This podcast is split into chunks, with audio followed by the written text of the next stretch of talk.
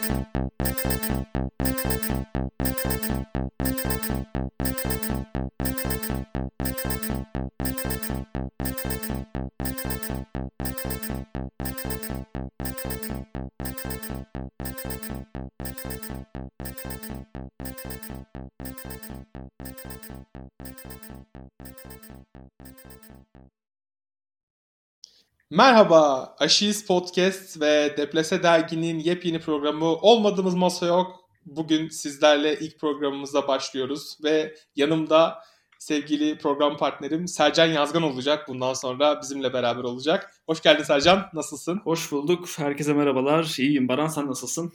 Ben de iyiyim, ne olsun. Valla uğraşıp gidiyoruz işte yani böyle gündem yoğun malum. Ee, sen de yoğun bir tatil artı e, Eurobasket takviminden çıktın.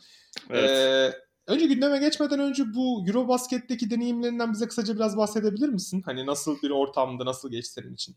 Ee, olur. Benim de ilk deneyimimdi aslında bu yurt dışında bir turnuva takip etmek anlamında ilk deneyimimdi. Yani hem izleyici olarak ilk de hem de e, gazeteci olarak bu ilk deneyimim olmuş oldu.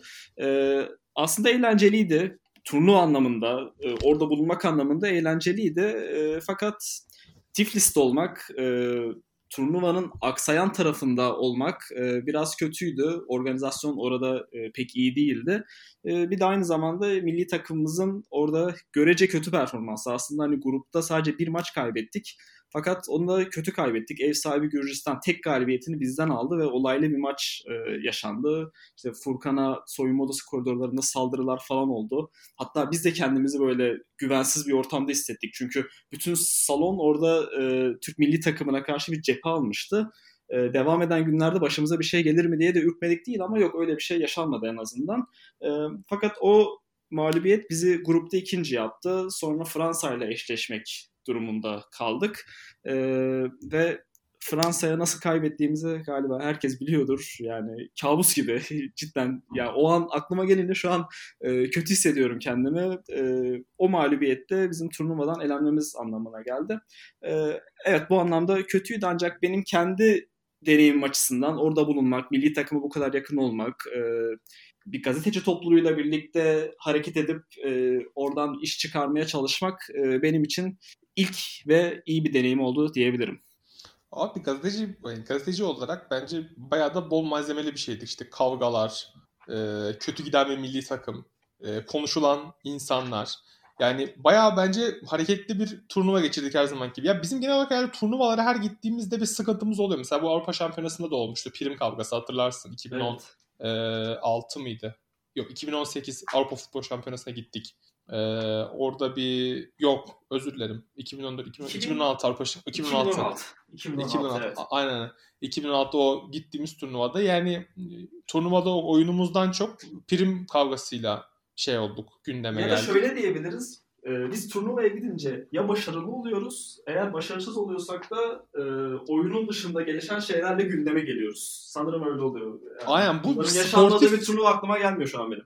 Aynen bu sporla alakalı, spor kültürümüzle alakalı bir şey bu. Yani futbolda da aynı şey oldu. İşte baskete gidiyorsun mesela. Baskette ben e, Cedi Osman'dan çok Ebru Şahin'i gördüm yani. yani böyle bir saçma sapan bir turnuvaydı. Maçı açıyorum Ebru Şahin karşıma çıkıyor. Şimdi yani biliyorum hani size siz tabii hani maçı orada yaşadınız hani e, sahada gördüğünüz şeyleri görüyorsunuz. Biz burada e, Türkiye'de yaşayanlar olarak ciddi manada rahatsız olduğumuz noktalar oldu. Özellikle takımın deorganize olması e, takımdaki e, sıkıntılar, Ergin Ataman'ın e, bir türlü vazgeçemediği saçma sapan takıntıları. E, bu bizi gerçekten bence demotive etti. Tabii İtalya, yani biz Fransa'ya o raddeye nasıl getirdik bilmiyorum. Hani hala arada sırada sorguluyorum yani bunu, nasıl yaptık ama e, tabii Fransa'nın da orada kötü olmasından da kaynaklı bir şey bence. Hani Fransa da bir tık e, beklediğinden kötü oynadı. Ama bilemiyorum Ama bu, yani. Bu sürpriz yani bizim Fransa'ya yapabileceğimiz sürpriz turnuvanın geneline de yansıdı aslında yani. Birçok beklenmedik e, sürpriz galibiyetler de oldu. Oluyormuş bu demek ki olabiliyormuş. E, ama yani biz kendi milli takımımız e, perspektifinden baktığımız için evet Fransa'yı mağlup edebilirdik. Evet serbest atışlarla belki de kaybetmiş olduk. E, ama yani kazanırsak da finale gidebilir miydik? Belki de giderdik. Şu an çünkü turnuva öyle gelişti ki, öyle sonlandı ki e, her şey de mümkünmüş aslında.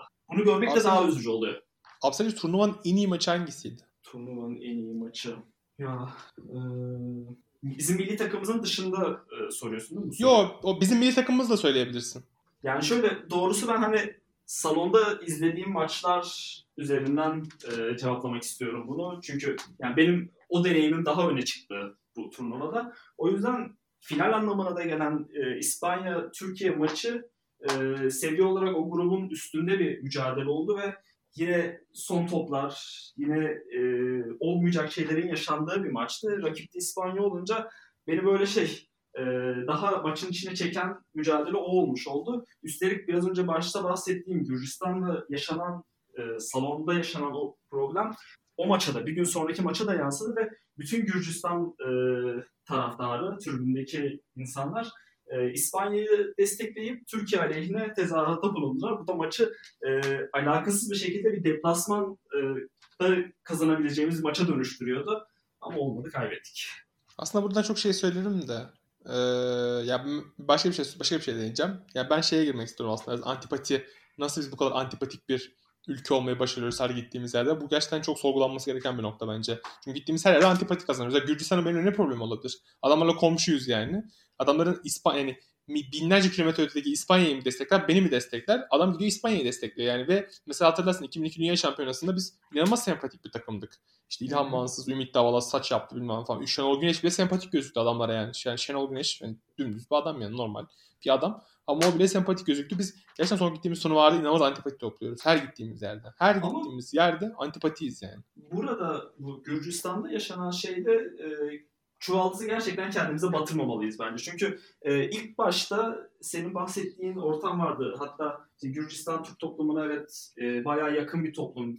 Oraya gittiğinde buna daha yakından şahit oldum. Hani insanlar e, hiç değilse bile böyle 5-6 kelime Türkçe biliyor herkes neredeyse. E, hani birçok böyle Türk firmasının ürünlerini orada görüyorum. İlişkiler gayet iyi. Bunu fark ettim. Ancak o maçın içinde yaşanan şey e, Gürcistan taraftarının, orada salonda maçı izleyen insanların Türk milli takımına karşı cephe almasına sebep oldu. Hani öncesinde bir antipatik bir e, durum yoktu Türk milli takımına karşı. Orada objektif bakamayıp e, Gürcistan halkı Türk milli takımını orada düşman ilan etti ve burada e, asıl suçlu da bence bu e, olayları başlatan kişi de Sanatze e, isimli Gürcistan milli takımının 10 numaralı oyuncusuydu. Furkan'a e, ettiği küfür bir kıvılcım olmuş oldu. Furkan orada geri adım atmadı. Orada Furkan'ı suçlamıyorum. Ancak devamında Furkan'ın e, soyunma odası işaret. Yani Sanatze'ye seninle soyunma odasında görüşürüz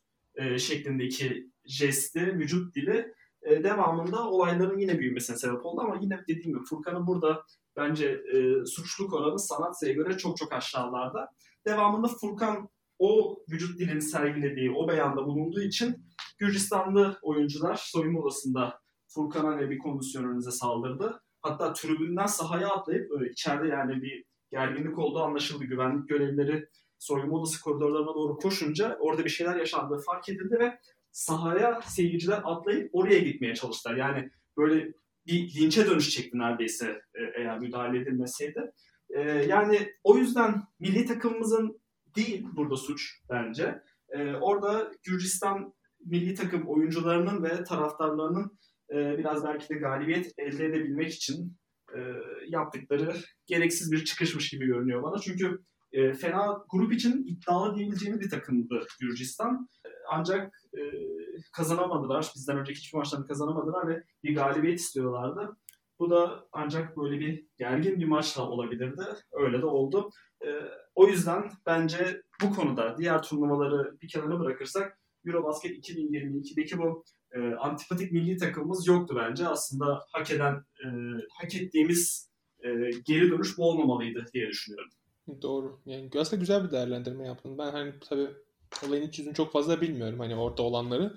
İşte FIBA şimdi bir soruşturma açtı. Her iki ülke federasyonuna artı Furkan'a, Sanatse'ye, Şengel'e de girdi işin içine. Ee, oradaki güvenlik görevlileri falan da galiba bilmiyorum. Gittim soruşturmaya onları tam bilmiyorum ama.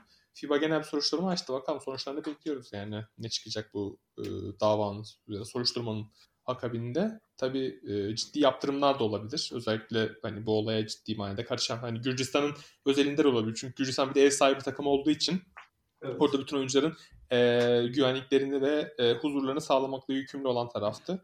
Ve hani kendi görevlendirdiği güvenlik görevlilerinin o kavgaya karışmış olması çok büyük bir defekt yani Gürcistan bir de bundan sonraki turnuvalar açısından.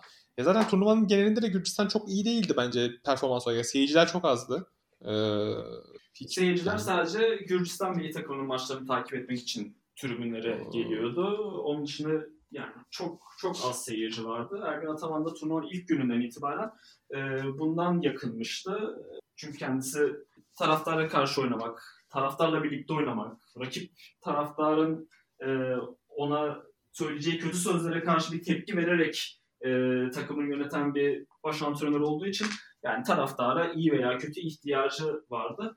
Turnuva ilk gününden itibaren bununla ilgili eleştirilerde bulundu ama e, bırakın salonda seyirci olmasını e, Tiflis'teki şehir halkının e, bulundukları şehirde bir Eurobasket düzenlendiğinden dahi haberleri yoktu yani. Ya hatta şöyle söyleyeyim, e, salonun, basketbol salonunun nerede olduğunu bilmiyor insanlar. Taksiciler dahil. Biz böyle her gün salona gidebilmek için e, uzun süre yol tarif etmek, işte navigasyonla gidebilmeyi falan hedefledik. Çünkü insanların haberi yoktu.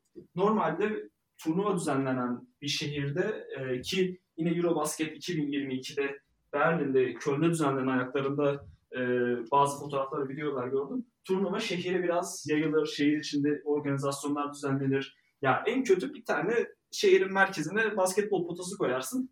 Gelen geçen 3'e 3 maç yapar. Ne bileyim çocuklar potaya Fan zone kurulur şey benim bildiğim. Şehir meydanında evet, fan zone evet. kurulur genelde. Ama yani Tiflis'te sadece Gürcistan milli takımının e, tek tük o çok değil. Billboardlarda Gürcistan milli takımının fotoğrafları vardı. Onun dışında Eurobasket 2022 ile ilgili e, hiçbir şey yoktu şehirden. İnsanların haberi yoktu. Sadece haberi olanlar da zaten muhtemelen Gürcistan milli takımının maçlarını akşamdan akşama Gürcistan milli takımının maçları hepsi akşam oynandı.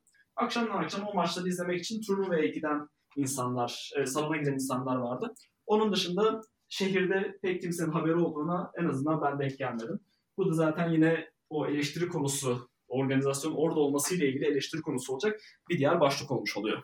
Gerçekten e, üzüldüm bunu duyduğuma. Yani şaşırmadım da hani üzüldüm bir biraz daha üzüldüm. Bile sen orada yaşadığın için bu süreci. Zaten oyuncular da şikayet ediyordu. İşte yani salon ne kadar uzaklıkta belli değil. İşte otobüs bile doğru düzgün yok. Ulaşımı nasıl sağlayacakları belli değil. Taksilerle gidiyoruz geliyoruz bundan falan vesaire. Evet. Yani çok saçma bir durum. Yani böyle organizasyon bunun FIBA'nın da el atması lazım. FIBA işte bilmiyorum yani bu kadar amatör bir organizasyon nasıl yapabildiler? Nasıl buna izin verebildiler? Senin ee, bu sözlerin aynısını Ergin Ataman da söyledi ve e, Furkan e, turnuvanın ikinci maçıydı. Galiba Bulgaristan maçıydı. E, o maçta forma giyememişti. Çünkü bir önceki gün salona gelirken 45 dakikalık bir mesafe e, kat etmesi gerekiyordu milli takımımızın otelden salona. Normalde Ergin Ataman şey demişti. Yani en fazla 5 dakika 10 dakikadır turnuvalarda takımın salona varma süresi ama biz 45 dakika yol gidiyoruz ve yol, yolların da kötü olduğundan şikayet etti. Yani artık bu seviyeye indi e, organizasyondaki eleştiri konuları mecburen bu seviyeye indi. Yollar da kötü. Furkan o otobüs yolculuğunda bel spazmı geçirdiği için e, bir sonraki maçta oynatılmadı. Hatta yine aynı yolculuğu geçirip yine aynı sakatlık riskini yaşamasın diye e, maç günü salona bile getirilmedi. Ne olur ne olmaz bu yolculuğu yapmasın, bir sonraki maçta sahada olabilsin diye e, Furkan otelde bırakıldı. E, maça götürülmedi. Bir sonraki gün antrenmanda yer almıştı. Bu da bir diğer aksilik olarak son notum Aksilik olsun. değil bu. Aksilik değil bu. Rezalet bu yani. Hani Evet, evet. Yani ee... bir de Furkan'ın bel spazmı yani belle alakalı sakatlığı, kronik bir sakatlığı var Furkan'ın. Ee, o çok sakatlık geçiren özellikle bel bölgesinde çok fazla sıkıntı yaşayan bir oyuncu. Hani ya bu yani rezalet katlanarak gidiyor herhalde Gürcistan'la alakalı.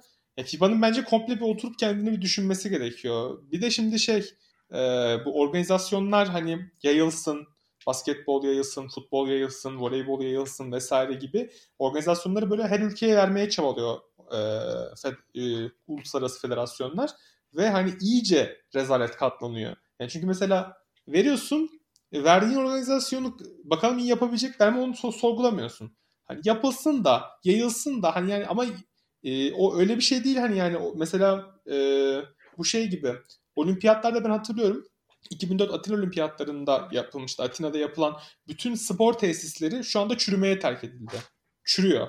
Yani kullanılmıyor. Yunan sporuna herhangi bir katkısı oldu mu? Olmadı.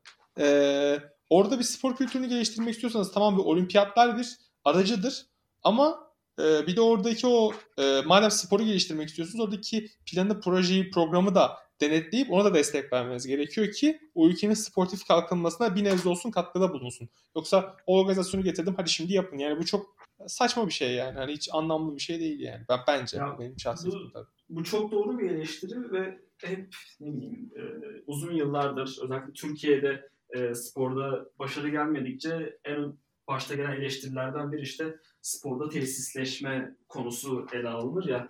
E, bu, bu da yine bütün dünyada da dikkat edilen bir şey ve çok önemli bir şey. Gerçekten çok önemli bir şey. Evet tesisleşti. E, mesela Tiflis'te eski bir spor salonu yanına ek olarak yapılan yeni bir spor salonunda yapıldı bu turnuva ve bence yani bana yansıyan FIBA'nın e, burada grup maçını oynatmasının sebebi burada yeni bir salon yapılmasıydı. Yani o tesisleşmeye verilen bir e, destek ve bir ödül gibi bir şey aslında ama senin eleştirin burada ortaya çıkıyor. Tamam tesisleşti, o salon yapıldı ama insanların salonun yerinden haberi yok.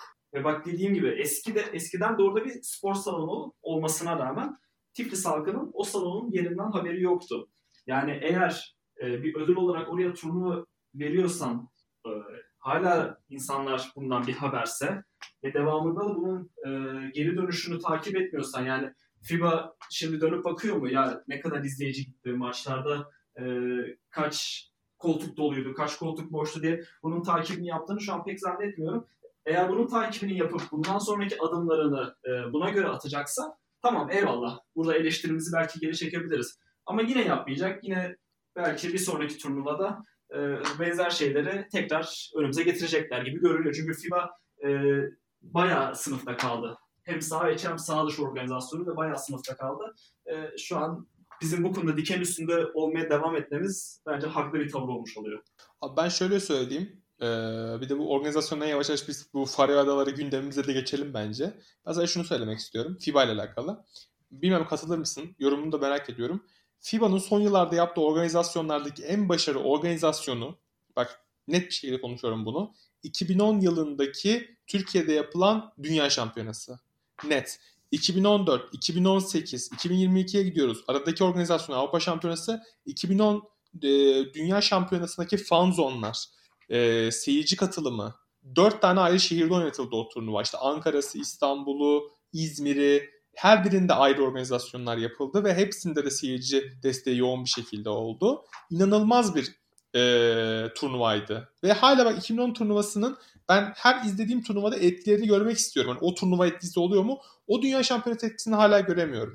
İşte hatırlarsın Kevin Durant'in Ümraniye'de kaybolma hikayesi evet. falan böyle değişik hikayeler barındırıyordu içerisinde. Farklı e, bilmiyorum yani sen ne düşünürsün ama Türkiye'nin orada yazdığı hikaye tabii başlı başına bir olay.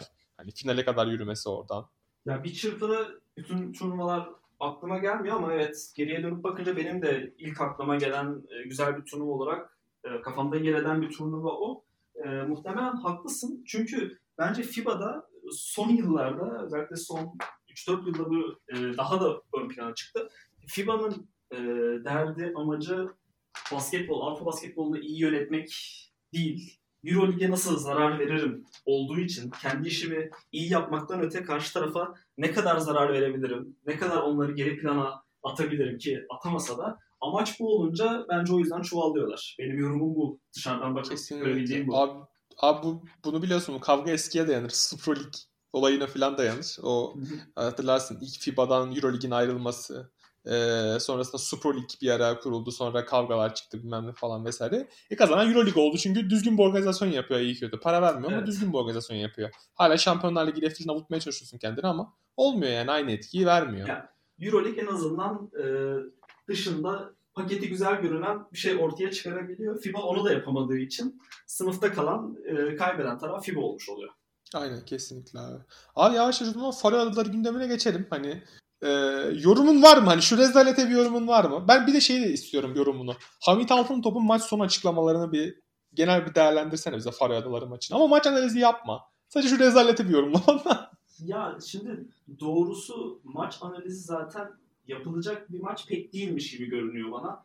Yani etrafımda da mesela e, bu maçın öncesi veya sonrasıyla ilgili en azından hazırlık yoktu. Bakın insanların bu maçla ilgili şunu konuşuruz, şöyle yaparız, bunu değerlendiririz diyeceği bir hazırlık etrafındaki hiç kimse de görmedim. Çünkü yani önemsenecek bir maç değildi. Zaten senin o dediğin rezalet kısmını bu desteklemiş oluyor. Hani ya o kadar küçük bir maç ki o kadar aslında anlamsız ve zaten grupta da her şeyin de bittiği bir günde e, kimsenin bu maçla ilgili konuşacak bile bir şeyi olmaması gerekiyordu ama dünden beri konuşmak durumundayız. Yani mecburen eleştirmek durumundayız. Çünkü e, neresinden tutsan elinde kalıyor yani. Ne oynanan oyun, ne açıklamalar, ne ne bileyim yani Faroe Adaları'nı kaybetmeyi böyle tanımlamak istiyorum ama yok tanım yok yani. Yılmaz Ural şey demiş hani hiç katılmasam da bu tip bir yorumu hiç desteklemesem de işte Faroe Adaları'nda insanlar çok keçi yaşıyor diye açıklama yapmış.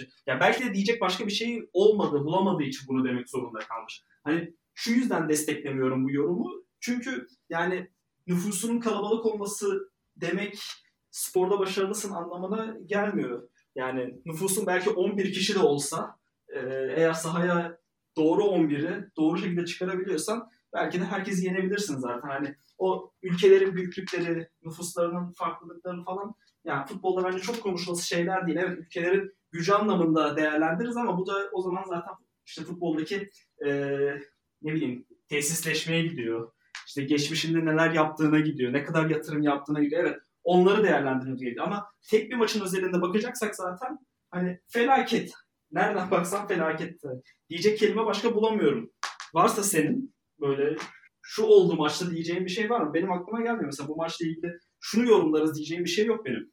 Abi Forward'dır mağlubiyeti ben değerlendirmek istemiyorum ya. Ya çünkü ya şöyle ben milli takımdan koptum. Yani bak e, iki hafta pardon aynen iki hafta ara veriliyor ya milli maçlar lig, liglere. Yani evet. tüm Türkiye hepimiz e, milli ara bitsin biz ligimize ve takımlarımıza dönelim diye bekliyoruz. Ben Fenerbahçeliyim ve bekliyorum yani çünkü ya ben Jesus futbolu izlemek istiyorum çünkü ondan keyif alıyorum. Ben senin artık rezaletlerini kaldırabilecek bir e, psikolojide değilim. Tüm Türkiye'de değil. Bizim milli takımımızla aramızda olan e, köprü bitti artık. Hani federasyon bizim çocuklar jargonu yaratmaya çalışıyor. İşte bizim çocuklar şöyle böyle falan. Bazı onarılmayacak bir duruma geldik artık. O noktadayız. Çünkü milli takım bize e, artık o eski milli duyguları yaşatmıyor. Yani sahada gördüğümüz milli takım ne forması, ne seyircisi, ne oyuncuları bize o ruhu vermiyor. Biz onu biz onu bitirmişiz.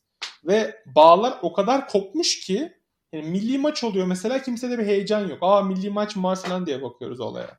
Yani o kadar koptuk. Bittik. Ve mesela milli takım antrenörü kim desen ben biliyorum ilgilendiğim için biliyorum. Sen biliyorsun ilgilendiğin için biliyorsun. Ama çıksak sorsak milli takımın antrenörü kim diye bence en az bir %20-30'luk kesim milli takım teknik direktörünü bilmiyordur.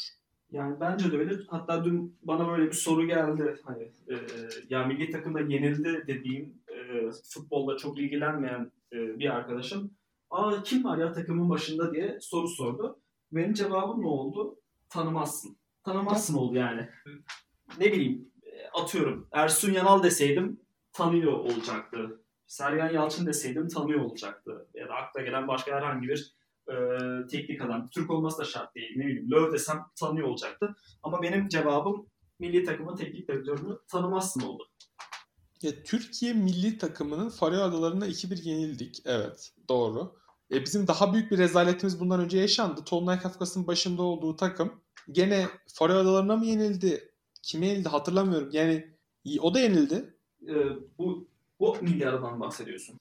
Hayır. U21 milli takımı. U yani Yok. ilk milli takım olması lazım. Ya, ya U21 ya U19 hatırlamıyorum ama bir yine böyle bir e, bize göre daha e, alt seviye bir milli takıma gene kaybettik. Bu konuşulmadı tabii. Kimsenin umurunda bile olmadı. Yani belki de bizim zaten ilk konuşulması gereken kısım da belki o, oradan başlaması gerekiyor da neyse sen devam et ben sonra tekrar döneceğim buraya. Abi yani ya ben hani şöyle yani biz bizim ya bilmiyorum sen ne düşünüyorsun ama biz milli kültürümüzü kaybetmişiz. Ya bizim artık milli açıdan, milli kültür açısından milli takımla bir bağımız yok. Ben mesela maçı izlediğim zaman milli takım gol atsa da sevinmiyorum, gol yese de üzülmüyorum. Hiçbir şey hissetmiyorum yani. Yani Ben böyle gayrimilli bayrağına tövbe estağfurullah yani böyle, hani bir şey düşünen, yobaz düşünen bir insan değilim bak. Ama bunu vatan millet Sakarya perspektifinden de kimse algılamasın. Dünya kim varsa. Peki sana şunu sormak istiyorum. Ee, yani bu durum, bu milli kültürün e, kaybedilmiş olması başarısızlığa yol açıyor mu diye düşünüyorsun? Yoksa başarısızlığı buradan mı geliyor diyorsun? Ben birikmişlik diyorum. Çünkü milli takım sadece milli takım değil. Milli takıma alınan oyuncular, alınmayan oyuncular, menajer oyunları, işte federasyonun e, liglerde Fenerbahçe Galatasaray'a veya Beşiktaş'a yaptığı çeşitli e, uygulamalar, e, yabancı kuralı, işte e, ya sen sahada çıkan 11'i yabancı kuralından bağımsız değerlendirebiliyor musun milli takımda? Haklısın, eleştirilerine katılıyorum. Ancak e, birkaç dakika öncesine gidip, hatta bir dakika önceye gidip söylediğin milli kültürün yok olmasıyla ilgili bir durumdan bahsetmek istiyorum. O konuda da sana katılıyorum. Evet yani e, sen de öyle olduğunu söyledin, ben de öyleyim. Etrafımda milli takım maçı var, hadi bizim çocuklar diyen hiçbir insan da görmüyorum. Ancak bunun da başarısızlığa bir sebep olmaması gerekiyor. E, yani milli takımın arkasında onu destekleyen milyonlar olmasa da e, yapılan yatırımla, e, sahaya çıkan oyuncularla, ya sahaya çıkan oyuncuların e, transfer market değerleri bile Faroe Adalarını yenmeye yetmesi gerekiyor normalde. Abi, Faroe öyle bir oyun değil. Abi Faroe Adaları hükümetinin gayri safi milli hasılası bizim bir oyuncumuzun bonservis bedeli kadar falan olabilir yani. Yani Belki de şaka öyle. yapmıyorum. ama işte dediğim gibi futbol öyle bir oyun değil. O yüzden zaten Faroe Adaları'nı yenildi. ya tabii canım bunlar klasik muhabbetler zaten ben ona girmiyorum abi. Yani ben demeye çalıştığım şey aslında daha farklı bir şey. Yani biz ben şeyi ben sana net sorayım o zaman. Biz sence o milli ruhu yani milli takım seyircisiyle milli takım arasındaki bağı neden kaybettik? Ee, neden kaybettik? Ya sen mesela ne hissediyorsun? Yani sen milli maçı açtığın zaman ya, aa, ya işin yok. Bak işin bu değil tamam mı? Düşün ki işin bu değil. Ben işte ne bileyim 8-5 çalıştığım bir beya- e, beyaz yaka bir işin var tamam mı? Geldin evine. Aa milli maç varmış. TRT 1'i açtın abi. izliyorsun. Ne hissediyorsun mesela? Ne, ne hissettiriyor sana milli takım? Yani e, benim milli takımımmış gibi hissettirmiyor. Bu işte en baştan beri dediğimiz birçok e, insanda da olduğunu gördüğüm durum bende de var. Evet. Bunun sebebini çözemiyorum. Bu- Bunun belki üstüne düşüneceğim. E, ama başka bir yerden örnek vererek bizden iyi olmadığını bulmaya çalışalım. Fransa milli takımı e, Fransa'da genel olarak desteklenmiyor. E, ailem orada yaşadığı için biliyorum. Ben de sık gidip geliyorum. E, orada şahit de oluyorum. Özellikle e, Fransızlar, beyaz Fransızlar diyeyim, doğru tabir emin değilim ama bu milli takım bizim milli takımımız değil diyorlar. Ve e, bırakın desteklemeyi Fransa milli takımının mağlubiyetinden mutluluk duyan birçok insan var Fransa'da. Çünkü işte şey, e, göçmenlerin milli takımı olduğunu iddia ediyorlar ve bu bizim milli takımımız değil, biz o yüzden bu milli takımı desteklemeyeceğiz diyorlar. E, ama dönüp bakalım Fransa milli takımına yani dün yenildiler Danimarka'ya ama e, bence son 10 yıla İspanya'dan sonra son 10 yıla damga vuran milli takım İspanya milli takımı. Desteklenmiyor. Yani elbette tabii ki e, Türkiye'de olduğu gibi o milli takımın arkasında duran insanlar var ama ülkenin büyük çoğunluğundan destek almayan bir milli takım. Ama yani turnuvalara gittiklerinde veya o görece zayıf takımlar oynadıklarında e, çıkıp üstlerine düşen neyse yapan oyuncular ve teknik direktörleri var. Yani bizim de bunu yapmamız için bir engel yokmuş gibi görünüyor bana. O milli kültür kaybolmuşsa bile. Abi mesela hatırlarsın işte Benzema'nın e, kavgasını e, milli takımda. O sırada galiba kim vardı başında e, Fransa milli takımının? Hmm, Deschamps değildi. Deschamps değildi de başka bir e, teknik direktör vardı gene. Yani inanılmaz da hani kavga gene ırkçılık üzerinden yürüyen bir kavgaydı. Ama Valbuena da katılmıştı o kavganın içerisinde. Evet. Valbuena da vardı sanıyorum. Valbuena, Benzema falan onlar da kavganın içerisindeydi.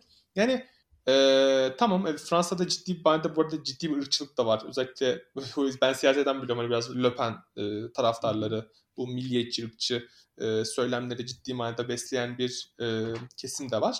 Ama hani ben e, tabii Fransa özelinde e, Fransa başarılı ve işlerin iyi gittiği bir ülke olduğu için ve oradaki oyuncular her zaman bir şekilde birbirleriyle e, uyum içerisinde çalışabilir. Yani profesyonel bakış açısı diyebilirim buna. Hani milli takıma seçiliyor musun? Evet. Sen milli takıma seçiliyorsan e, sahada yüzde yüzünü vermek zorundasın bakış açısıyla bakıyorlar.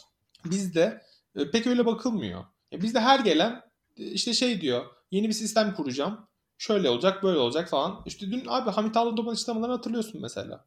Evet. Sen ne diyorsun abi mesela? O, o açıklamaları ne diyorsun? Sence bir milli takım sorumlusu öyle bir açıklama yapar mı? Yapmalı mı? Ya dediği şeyler bir kenara zaten e, üsluptan direkt kaybettiğini, e, dediği şeylerin doğruluğu yanlışlığını direkt çöpe attığını söyleyebilirim üslupla. Her şeyden önce Hamit Altıntop şu an bu milli takımla ilgili kendisinin de beyanı bu şekilde sorumlu kendisi her şeyiyle. Teknik adam seçimiyle, oyuncu seçimleriyle her şeyden sorumlu olan kendisi. Ve bu sebeple ben ilk başta en azından nezaketen, en azından göstermelik olarak bir mahcubiyet beklerdim. Ee, yani evet, ya Faroe Adaları'na yenilmekle ilgili e, gerçekten diyecek bir şeyleri olması gerekirdi. Tamam gerçekten yenilebiliriz. Yani yenildik tamam kabul edelim. Onu Yenilemez abi yani bak bak sana bile mantıksız geliyor. Ya evet. Yenilebilir diyemiyorsun.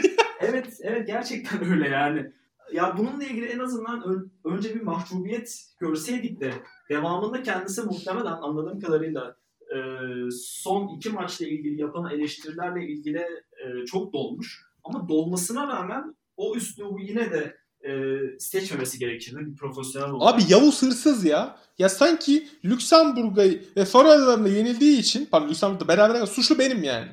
Suçlu biziz. Abi ben ya. oynamadım orada yani. Yani bu bu nasıl bir kafa yapısı Bu Türkiye'deki klasik suçu başkasına atayım ve her şeyden şikayet edip kendimi temize çıkartayım mantığı. Yani evet. Ben masaya ya bunun bir güçlü olan ben olayım ki beni daha az eleştirsinler gibi bir yanlışa o da kapıldı yani. Abi Hamit'i niye seçtik değil mi? Almanya gördü, İspanya gördü diye değil mi? Hani o mantıkta, o mantaliteyle geldiği için. Abi düşünsene mesela Almanya milli takımı, tamam mı? Almanya milli takımının Faroe Adaları'nda yenildiğini düşün. Ya bunu Tamam mı? Bunu kimseye anlatamazsın. Yani bildiğinden tut kikerine kadar bütün gazetelerde manşet olursun. Seni tefe koyarlar. Hani e, adamın aklını alırlar yani. Öyle söyleyeyim sana yani. Faroe Adaları'nın yenilmenin herhangi bir bahanesi olamaz yani. Ve senin de diyecek bir lafın da olmaz yani bütün bu eleştiri. Ha, der, aynen, tek, tek bir lafın olur. Tek bir lafın olur. Ee, arkadaşlar e, Faroe Adaları mağlubiyeti, Lüksemburg mağlubiyetinin sorumlusu benim. Ee, üzgünüm.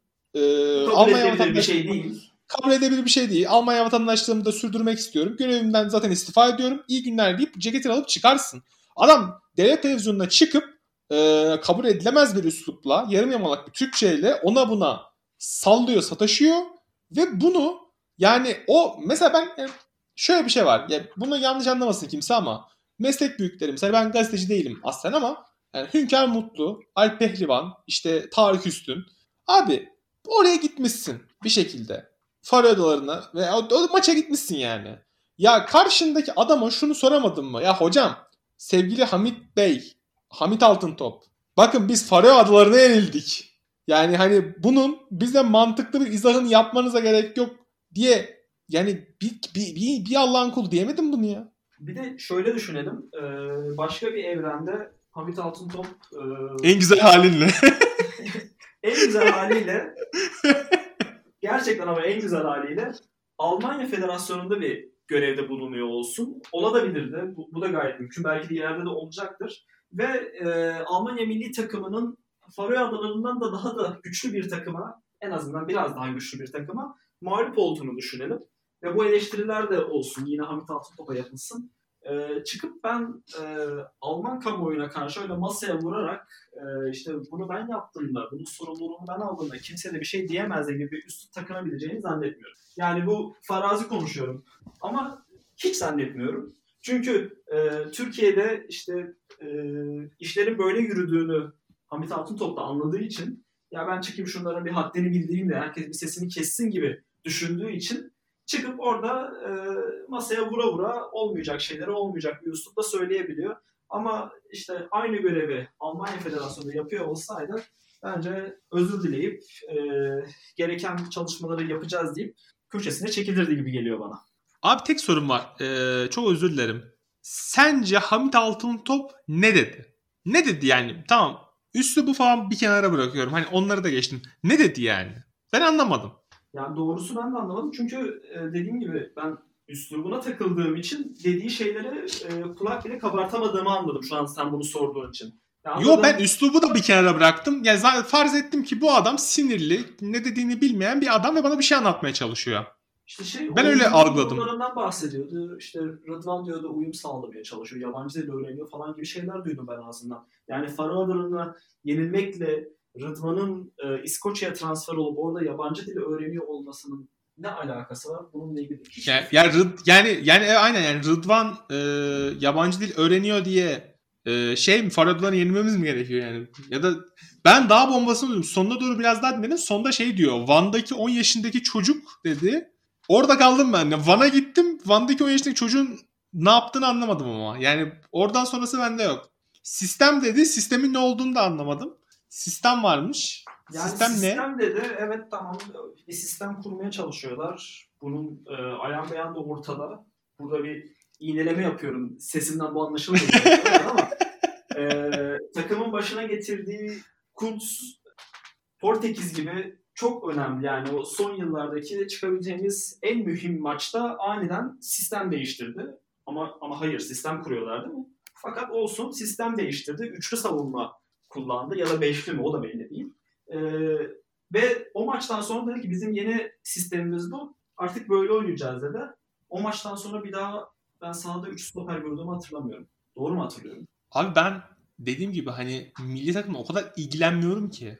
O kadar koptum ki. Sağda bakıyorum mesela Serdar Dursun'u görüyorum. Bizim Serdar. Tamam diyorum ya. Yani doğdu güneşim diyorum yani. Hani başlayacağız gene. Gene saçma sapan şeyler olacak bu maçta da. Gene ne oldu işte Farada. Ya bir de şöyle bir şey var. Mesela Faradalarını yenildik ya. Kimse şaşırmadı biliyor musun? o daha büyük komedi.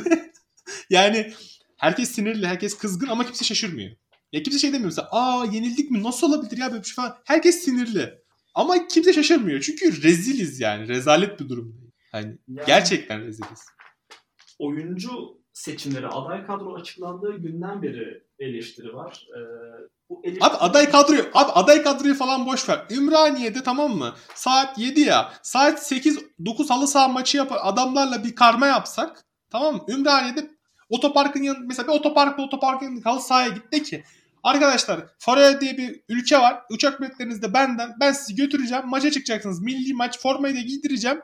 Maçı oynayın gelin. Ya bak gerçekten en az beraberlik alırlardı ya.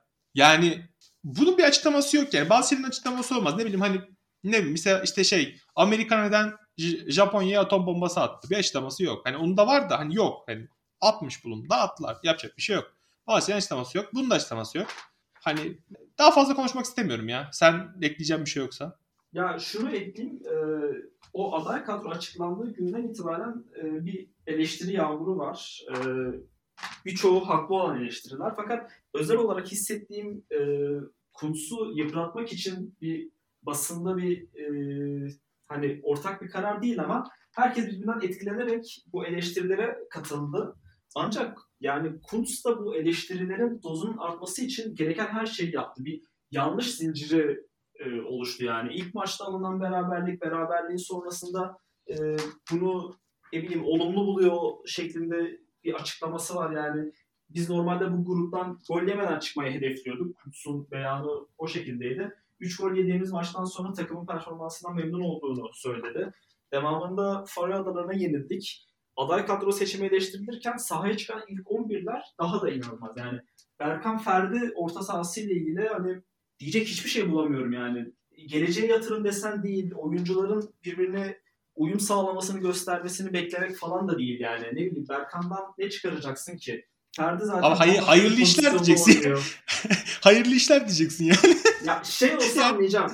O orta sahaya ne bileyim e, Arda ile Emirhan'ı koysan gencecik çocuklar gelecek vaat ediyorlar. Birlikte bir oynasınlar görelim falan filan. Tamam Ferdi ile Berkan da e, onlara göre yaşlılar ama tamam onlar da gençler.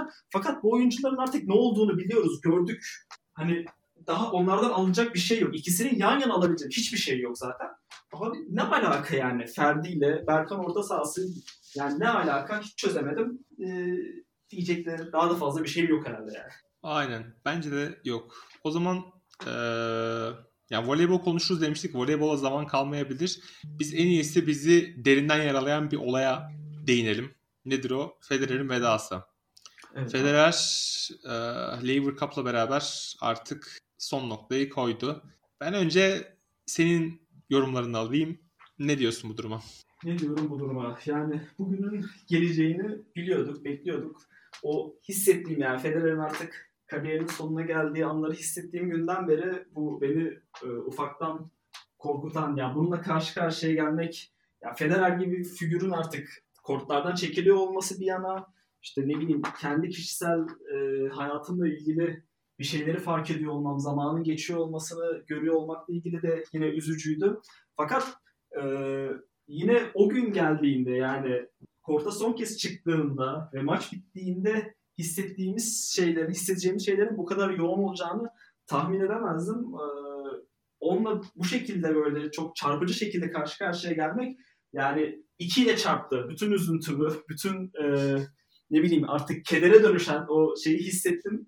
E, keşke bizi bu kadar üzmeden de bitirebilselerdi. Yani burada tek figürde Federer değil, Federer'in yanında ya belki de Nadal'ın hali beni çok daha yıprattı diyebilirim. Senden nasıl oldu bilmiyorum ama. Abi ya şöyle e, ben Federer'i e, her zaman işte çocukluğumuzda başladı. Hani ben e, benim çocukluğuma denk geliyor Federer'in ilk çıkış zamanları. Ve Federer benim en sevdiğim sporcuydu. Hani bu hiç su götürmez bir gerçek. Birçoğumuzun olduğu gibi. Belki birçoğumuz ilk aklına gelen figürdü Federer. Ve e, Federer hani benim için bölüm sonu canavarı gibiydi. Yani insanlar oynardı oynardı oynardı. Bir yerde Federer gelirdi ve onları yenerdi. Yani Federer her zaman şampiyondu. Nadal gelene kadar tabii. Ee, Nadal'ı da sevmezdim bu arada eskiden. Şimdi Nadal başka bir seviye benim için ama Nadal'ı çok hani Federerci misin Nadal'cı mısın sorularında ben hep Federerci olduğumu söylerdim. Ama e, Federer tabii bırakması özelinde konuşacak olursam bence daha güzel bir veda olamazdı. Çünkü yanında en büyük rakibi vardı. E, en büyük rakibi ama aynı zamanda en iyi dostlarından bir tanesi Nadal. E, şimdiki mesela yeni nesil tenisçiler işte Alcaraz, Tsitsipas, e, şimdi yeni yeni yükselen Tiafo, e, Medvedev. E, bu tenisçilerin hani o seviyeye çıkabilir mi? Bence çıkamayacaklar. Şimdiden öngörüm bu yönde. Alcaraz'dan çok büyük ümidim var. Başka bir seviye, başka bir şey oynuyor. Yani tenis değil başka bir şey oynuyor. Başka bir yapıda oynuyor. Ama e, o mahşerin dört atlısı yani Murray'nin ilk elendiği Djokovic, Nadal ve Federer'den oluşan o dörtlü e, daha tenis tarihine uzun bir süre gelecek bir dörtlü gibi bana görünmüyor. Çünkü domine ettiler yani tenisi ve Federer de bu dörtlünün en e, sağlam ve tenisi e, başka bir yöne evrilten oyuncularından bir tanesiydi. Ya ben aslında sözlerimi toparlayacak olursam ben bunu çok düşünüyorum. Federer'i biz neden seviyoruz diye. Bence biz Federer'i e, tenisin zirvesini yeniden tanımladığı için çok seviyoruz. Yani en iyinin ne olduğunu bize gösterdiği için çok seviyoruz. Ondan öncesi de vardı ama o gerek duruşuyla gerek en iyiydi ya. Yani en iyiydi. Belki de sadece teniste de değil yani bütün e, spor için bunu da söyleyebiliriz. Federer ya bu arada belki ilk başta bir parantez açmam lazım. O Federer mi Nadal sorusunu geldiğinde ben Nadal diyen taraftarım bu arada. Buna rağmen belki teniste de değil bütün dünya sporunda yani sporcu nedir? Nasıl olmalıdır? Ee, en iyi sporcu deyince ortaya çıkan figür nedir dendiğinde benim aklıma Federer geliyor. Yani onun yanına Michael Jordan'ı koyarım galiba. Ve Federer ben... karakter olarak da e, birçok dünya sporcusunun mesela Jordan'la karşı karşıya getirdiğimizde karakter olarak da e, herkesten farklıyım ve yine o konuda da en iyisi benim diyebilecek birisi galiba.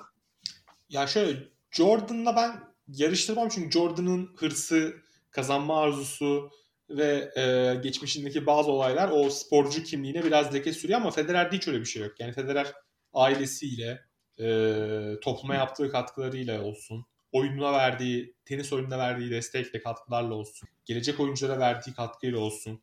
Yani bambaşka bir figürdü Federer ve e, her zaman e, tenis tarihinde olumlu anılacaktır. Mesela ondan önce gelecek, gelmiş olanlar, işte Bjorn Borg'ler, e, John McEnroe'lar, bu tip üst düzey tenisçileri de o kortlar gördü ama Federer bir başkaydı tabii. Yani Federer'in e, gelmiş geçmiş en iyi e, seviyesine biz neden veriyoruz? İşte sporcu dediğin gibi yani o sporcu ne demek? karşılığı Federer'de. Ee, yani tabii şöyle. Şu, şuradan veriyorum Hı? aslında Jordan örneğini. Ee, yaptığı spora ve o sporla birlikte dünyaya e, yaydığı etki üstünden bunu e, söylemeye çalışıyorum aslında. E, basketbol tenise göre çok daha izlenen, çok daha takipçisi olan bir spor olmasına rağmen e, Federer kendini işte Jordan gibi bir figürün yanına koyabiliyor. Ve hatta işte ne daha yakından takip edenler için çok çok daha önüne geçebiliyor. Jordan örneğini o yüzden veriyorum aslında. Yaptığı sporu değiştiriyor, başka bir seviyeye taşıyor. O sporla birlikte e, yanına karakterini koyarak e, toplumla, dünya ile ilgili başka bir şeyleri de ifade edebiliyor ki LeBron'u da oraya koyabiliriz, Muhammed Ali'yi de oraya koyabiliriz. Ama e, tenis gibi daha küçük bir zümreye ait olan bir spordan yola çıkarak bu kadar büyük bir etki yaratabilmesi ki Nadal da bence ona çok yakın bir etkiye sahip. E, o yüzden bu iki figürün e, yaptığı etki, toplam etki inanılmaz bir seviyede ve işte o başa dönersek son maçında en büyük rakibiyle birlikte korkta olması, yani Nadal'ın ona bir omuz vererek yolcu ediyor olması belki ben biraz kafamdan bu durumu e, daha romantik hale getirmeye çalışıyorum bilmiyorum ama hani şey hissettim. Ya Federer artık e, sakatlıkları ve yaşı itibariyle maçı çıkaramıyor ve Nadal ya ben senin yanındanım, yanındayım ve bu son maçı seninle birlikte bitireceğim gibi bir şey hissettim. Böyle bir omuz omuza bir şey hissettim orada. Bu daha da benim e, hem böyle bir ne bileyim bir ebeveyn gururu gibi bir şey hem de e, işte iki abinin birbirine vedası ve işte spora da tenise de olan vedaları gibi hissettirdi. E, ayrıyeten böyle kendimi üzmeye devam edebildim yani. Ya şöyle herkes sarsıldı. Ya sarsılmamız aslında yani beklenen bir şey. Yani 41 yaşında artık Federer ve dizleri oynamaya el vermiyordu. Hani e, o eski e, gücünden uzun süredir çok uzaktı. E, sen en başında söylediğin gibi hani onun, o günün geleceğini biliyorduk ama kendimizi bir türlü buna hazırlayamamıştık. E, ya bir turnuva daha, bir Grand Slam daha kaldıracak bir e, fiziksel durumu zaten yoktu Federer'in. Ama e, aslında hani Federer neden e, en iyi? Ben, bir de şöyle bir şey var hani e, Grand Slam kazanma sayılarına baktığımız zaman daha Djokovic'in önünde uzun bir yol var. E, yeni tenisçileri saymıyorum. Hani Nadal'ın da biraz daha yolu var gibi. Muhtemelen Nadal ve Djokovic bundan sonra o rekoru kırma yolunda birbirleriyle çekişecekler. E, ama Federer her zaman için o ikiliden başka bir yerde olacak. Her zaman Federer'i sevenler, onu destekleyenler e, bence e, spor, tenis sporunda özellikle çoğunlukla olacak. Tabii tenisi özellikle sevenler şunu diyebilir. Hani Djokovic daha fazla turnuva kazandı ama Djokovic'in işte son özellikle pandemide yaptıkları işte e, hatırlarsın aşı olma muhabbetleri, aşı evet. aşısız bir şekilde Avustralya falan bu ciddi manada o sportif e, kişiliğine çok büyük zarar verdi. Nadal ona en yakın. Nadal'ın da özellikle o hırsı, çalışma azmi özellikle son zamanlarda biraz daha Nadal Federercileri Nadal Nadal sempatiyle bakmaya başlattı. bilemiyorum ya. Ya koydu hani çok fazla şey söyle, söyleyebilirim ama çok da uzatmak da istemiyorum. büyük bir figürdü Federer. çok büyük bir figürdü. Tenis sporu için değil keza. Bütün spor için. Keza Serena Williams da bu sene bıraktı. Ondan da e, kısaca bahsetmek gerekirse. E, benim sözlerim bu kadar aslında ya. Yani e, bize yaşattıkların için her şey için çok teşekkürler Federer. Ben de son söz olarak şöyle bir şey söyleyeyim. Ee, evet son derece üzgünüm Federer'in e, tenisi bırakıyor olmasından dolayı ancak e, o biraz önce bahsettiğim etkisi hala süre geliyor ve devam da edecek. Bu yüzden e, tenise aktif bir sporcu olarak devam ettirmese bile bu sporla ilgili Federer istese de istemese de bu işin içinde olacak gibi hissediyorum ve e, o dünyaya etkisini e, devam ettirecektir. En azından biz Federer'le ilgili bir şeyler görmeye, duymaya, yani ona maruz kalmaya devam edeceğiz diye düşünüyorum. En azından şimdilik böyle teselli bulabiliriz gibi geliyor. Bence de. Ee, ben e, ağzına sağlık Sercan. Gerçekten bence güzel bir program oldu. Eurobasket'te genel bir değerlendirme yaptık ardından. E, Faroe Adaları yani Federer'i konuştuğumuz bir dönemde ben Faroe Adaları konuşmak da çok şey oldu ya. Saçma bir şey oldu ya. Ya muhtemelen dün konuştuğun aramızda deseydik ki yarın ne konuşacağız diye e, işte şey demezdik herhalde. Faroe Adaları mağlubiyeti ve Federer vedası demezdik muhtemelen ama e, hayat bizi buna sürükledi. Bunları konuşmak durumunda kaldık ama bence de çok iyi bir sohbet oldu. Evet ben de çok keyif aldım. Efendim olmadığımız masa yok. Ee, ilk bölümüyle karşınızdaydı. Dediğimiz gibi olmadığımız masa yok. Yani her şeyden konuştuk burada. Ee, ilerleyen bölümlerde bilmiyorum Selcan ne düşünür ama hani başka konulara da gireriz belki. Müzik, ne bileyim tarih. Siyasete girmeyiz. O bizim işimiz değil. Ama müzik özellikle müziksel yönden e, magazin olabilir. O konularda da. E, sizin önerileriniz olursa sizin önerilerinizi açığız. Ne konuşmak isterseniz sorularınızı yazabilirsiniz. Şunu konuşun falan vesaire diye. Onları da konuşuruz. Dediğimiz gibi olmadığı masa yok. Her şeyi konuşuruz burada. Bu program bizim serbest kürsümüz. Ben son sözlerini alarak Sercan programı kapatacağım. Ya umarım belki olmadığımız masa yok diyerek Federer'in e, burada tablolarını konuşuruz. Bir şeyler çizer, biz onları değerlendiririz. Ağzına sağlık. Efendim görüşmek dileğiyle. Kendinize iyi bakın. Hoşçakalın. Hoşçakalın. Game